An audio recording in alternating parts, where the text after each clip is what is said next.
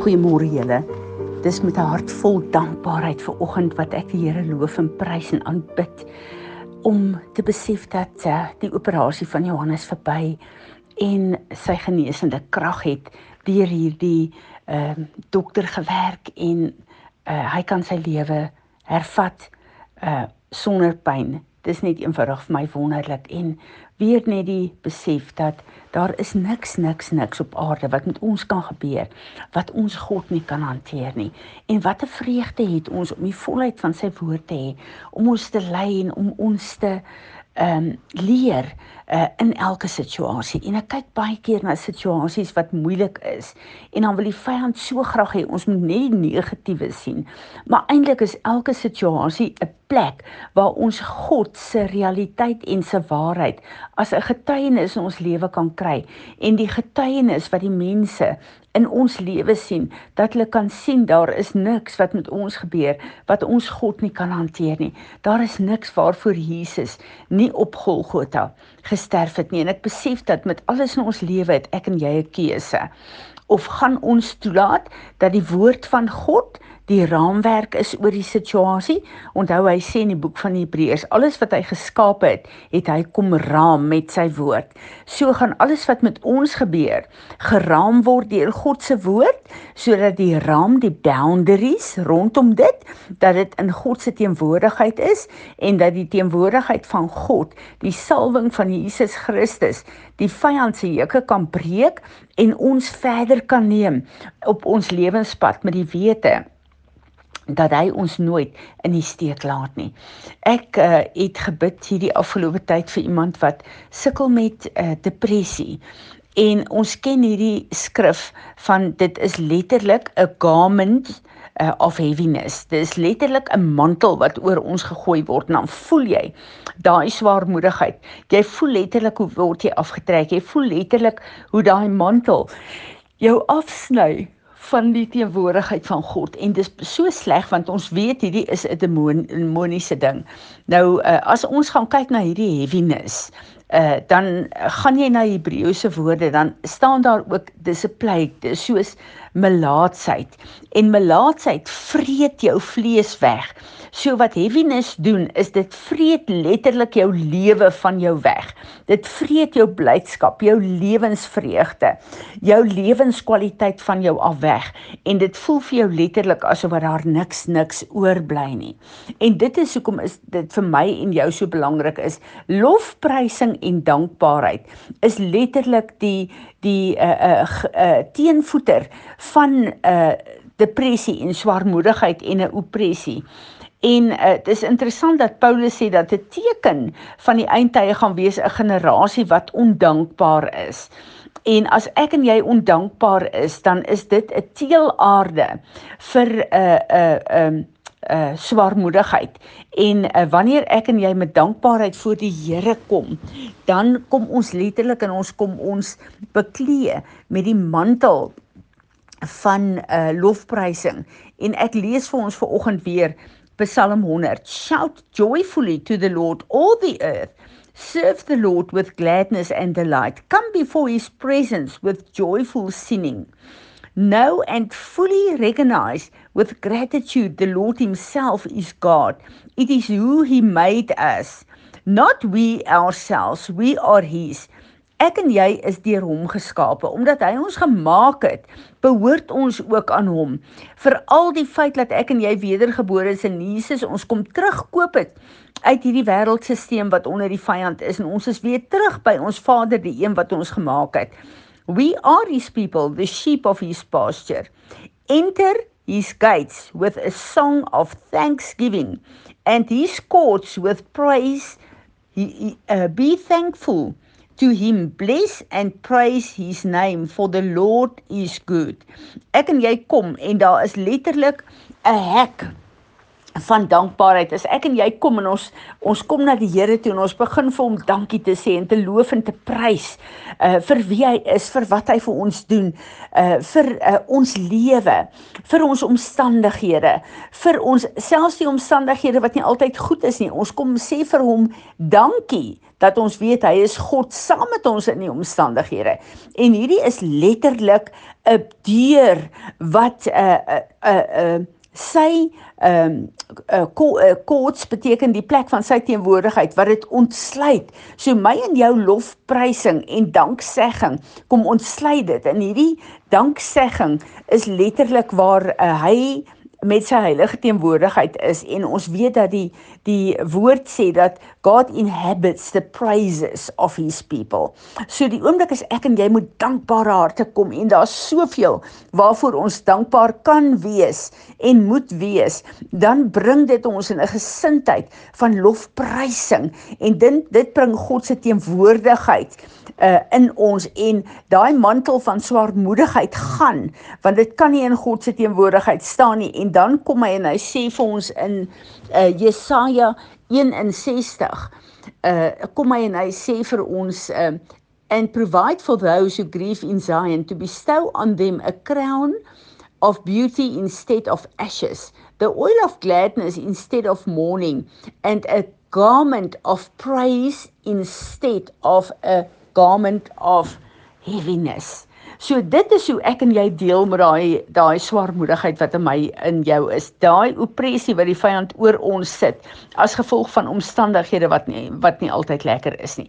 Ek en jy kom met dankbare harte en ons sê vir hom dankie vir al die goed wat hy doen.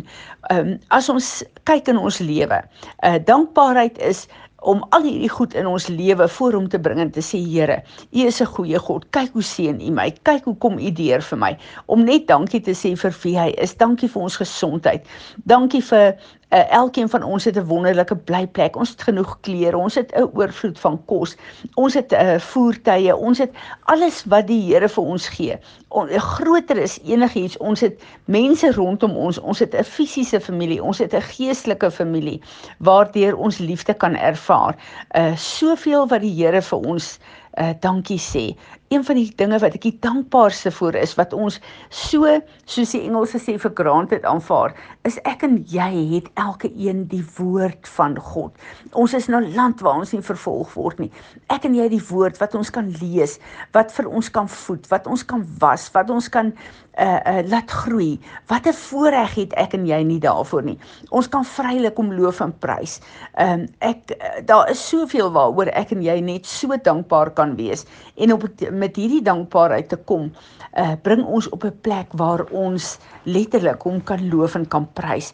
En uh dis baie interessant dat lofprysing is eintlik 'n profetiese uh verklaring vir jou toekoms. Dis eintlik letterlik uh die die die lofprysing van God wat jy oprig oor jou toekoms en oor jou hele lewe.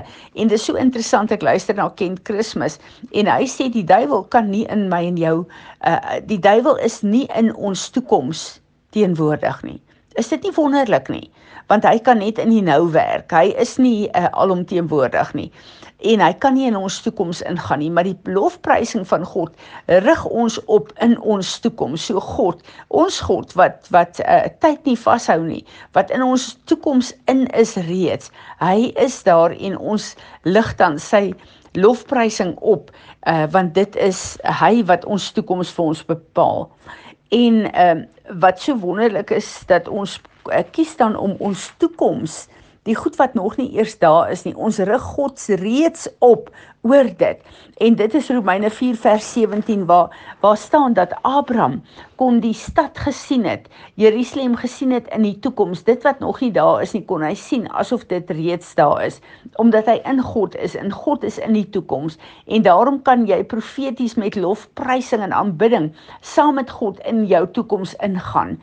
En uh dit is vir my so wonderlik om te besef dat dis so te mekaar op aarde op hierdie stadium. Daar's soveel goed wat wat aan die gang is wat mense bang maak.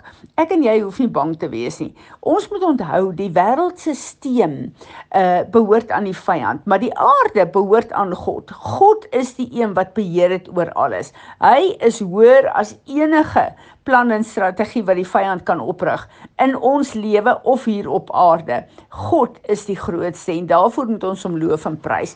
En as ons kyk na Dawid, Dawid sê dat hy sal altyd deur sal hy die Here loof en prys. En hy sê hy begeer om in die in die uh, to live in the courts of my gates uh, my God. Wat beteken dit? Dit beteken hy wil in daai riem van lofprysing uh lewe want onthou enter my gates with thanksgiving my courts with praise. So wanneer ons kom in die courts of God dan is dit 'n lewe van lofprysing wat Dawid gehad het en dit is hoekom uh God hom gesê het hy's 'n man na my hart. Hy het daai gesindheid gehad. Hy het uh, met sy woorde voortdurend 'n uh, 'n uh, 'n uh, geskep. Uh want uh, die krag van ons woorde, net soos die krag van God se woord het 'n krag om te uh, te skep, maar ook om te vernietig en en af te breek, weet ons wanneer ons uh, oorlogvoering doen. Maar uh lofprysing het die vermoë om die verkeerde goed van die vyand in jou lewe te vernietig, maar om God se lewe en God se wil vir jou toekoms te verklaar. Ons maak die pad oop daarmee en dit is so belangrik dat ek en jy dit sal weet. So lofprysing is letterlik die taal van van die hemel. Dis letterlik waar ons visie kry, dis letterlik waar ons onsself posisioneer om te sê Here, ek wil hê U moet my voetstappe uh, rig. En wanneer 'n mens lofprysing doen, dan kan jy nie kla nie, jy kan nie kerm nie, want die grootheid van jou God, nie teenwoordigheid van jou God, infiltreer jou en jou hele omgewing en dit kom dan en wek in jou op God se teenwoordigheid sodat jy vanuit sy teenwoordigheid sal lewe en dat die vyand geen hou vas op jou kan kry nie. Vader, ons kom ver oggend met lofprysing in ons harte. Ons wil kom en ons wil vir U dankie sê dat U so 'n goeie God is. Ons sê vir U dankie Here dat dit goed gaan met ons. Ons sê vir U dankie vir U woord Here. Ons sê vir U dankie vir die vermoë om U te kan aanbid, die vermoë om U te kan loof en te kan prys Here. Ons wil vir U dankie sê dat U woord ons gedagtes rig. Ek wil vir U dankie sê Heilige Gees van God dat U ons kom leer hoe om God te loof loof en te prys. Ons wil vir U dankie sê dat U wonderlike stem ons waarsku, ons lei, uh vir ons openbaring gee, Here, dat ons nie alleen is nie. Here Jesus, U het gesê, ek gaan weg, maar ek los julle nie as weeskinders nie. Dankie dat U U Gees in ons kom uh, plaas het. Heilige Gees, ons kom en ons vra vir U, leer ons om met dankbare harte ons God te loof en te prys met die lofprysing wat wat hy waardig is om te ontvang van ons. Dankie, dankie vir wie u is. Dankie vir wie u ons gemaak het, Here. En ons wil soos Dawid sê, ek wil altyd deur in die teenwoordigheid van my God lewe en sy uh, uh, naam met 'n dankbare hart oplig en loof en prys. Here, dankie dat ons ons liefde opnuut aan U kan verklaar. Here Jesus, U het ons waarlik teruggekoop na ons Vader se huis toe. Word verheerlik in hierdie dag in en deur ons lewens. Amen.